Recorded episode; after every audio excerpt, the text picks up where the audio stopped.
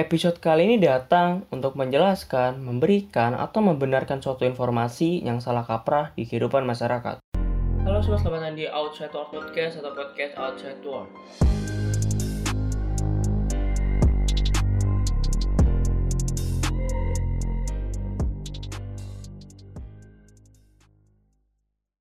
Sekarang minggu ketiga di bulan April.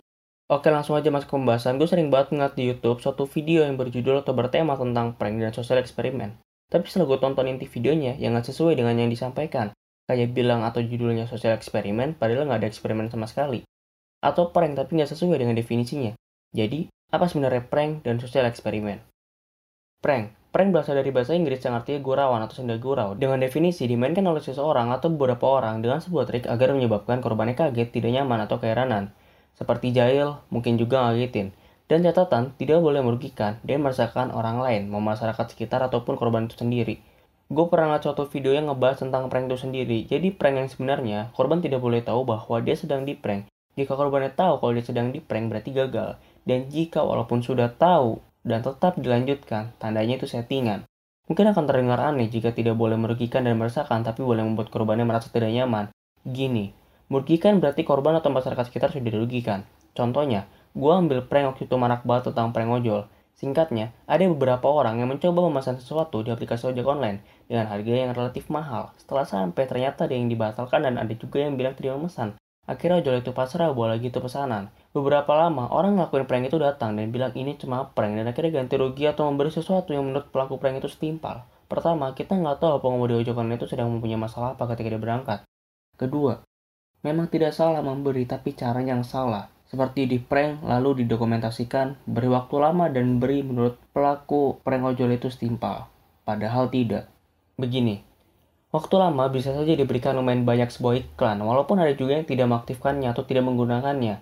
Untuk apa? Untuk mengganti rugi yang dia berikan. Kedua, sebuah dokumentasi seperti video akan lama di platform seperti YouTube dan memungkinkan pelaku prank itu mendapat lebih besar keuntungan dari yang melakukan.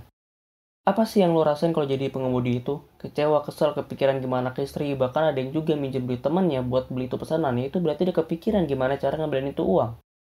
Jadi jangan buat prank aneh-aneh, sewajar aja, jangan sampai dia merasa rasa dan dirugikan. Sosial eksperimen.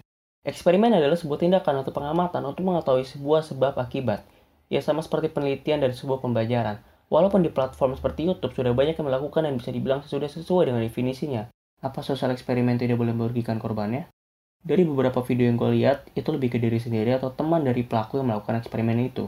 Jadi, selama dia yang melakukan dan mungkin dia yang rugi, itu kayaknya terserah dia, karena berani berbuat, berani bertanggung jawab. Dan seharusnya yang melakukan juga setidaknya punya ekspektasi buruk yang akan terjadi. Jika ditanya merasakan boleh atau tidak, ya pasti tidak, karena tidak ada yang ingin dirasakan. Ingat, prank dengan sosial eksperimen itu berbeda. Prank lebih berinteraksi dengan korbannya, sedangkan sosial eksperimen itu lebih ke sebuah reaksi. Oke, gue rekap lagi. Jadi intinya, prank itu sebuah gurauan dengan beberapa trik mungkin tujuannya untuk membuat korbannya kaget, tidak nyaman, dan keheranan. Dengan catatan, tidak boleh merugikan dan meresahkan. Sedangkan sosial eksperimen adalah sebuah tindakan untuk mengetahui sebab akibatnya. Boleh merugikan selagi itu diri sendiri dan tidak boleh meresahkan. Karena prank lebih ke interaksi dan sosial eksperimen lebih ke sebuah reaksi. Ya kenapa gue buat ini? Gue gak mau di peryoutuban Indonesia step search atau cari prank itu tidak sesuai dengan definisinya, bahkan merugikan. Ya gue harap mendengar podcast ini bisa jadi diri yang lebih baik lagi dan lebih banyak kewasan lagi. Segitu aja tentang informasi dari gue. Jika memang ada yang kurang atau salah menurut kalian, silahkan kalian riset dan kasih tau ke gue. Karena beberapa kata, kalimat, atau isi gue ambil dari beberapa artikel saat gue melakukan riset. Dan jika ada yang salah tentang info, penjelasan, dan perkataan gue, mohon dimaafkan juga. Podcast ini nanti bakal dapat di channel YouTube gue juga. Silahkan kalian cari Kevin Fernando, F-nya 2, nanti gue taruh deskripsi link atau nama channel gue. Buat kalian yang pengen request pembahasan di podcast selanjutnya, silahkan komen di video YouTube gue atau DM gue ke Instagram at Kevin Everando. Nanti gue taruh di deskripsi juga linknya. Hitung-hitung bantu gue memikirkan pembahasan di podcast selanjutnya. Dan ingat gue bakal bawain jika yang pantas gue bahas atau gue bawain. Kurang lebihnya mohon dimaafkan. Jika emang ada yang penasaran sama gue, silahkan lihat di sosial media gue. Nanti gue taruh linknya di deskripsi. So, thank you buat yang udah dengerin cerita gue sampai habis. Kalian bisa ngasih kritik dan saran di YouTube gue atau di Instagram gue. Nama gue Kevin. Thank you and see you in the next episode.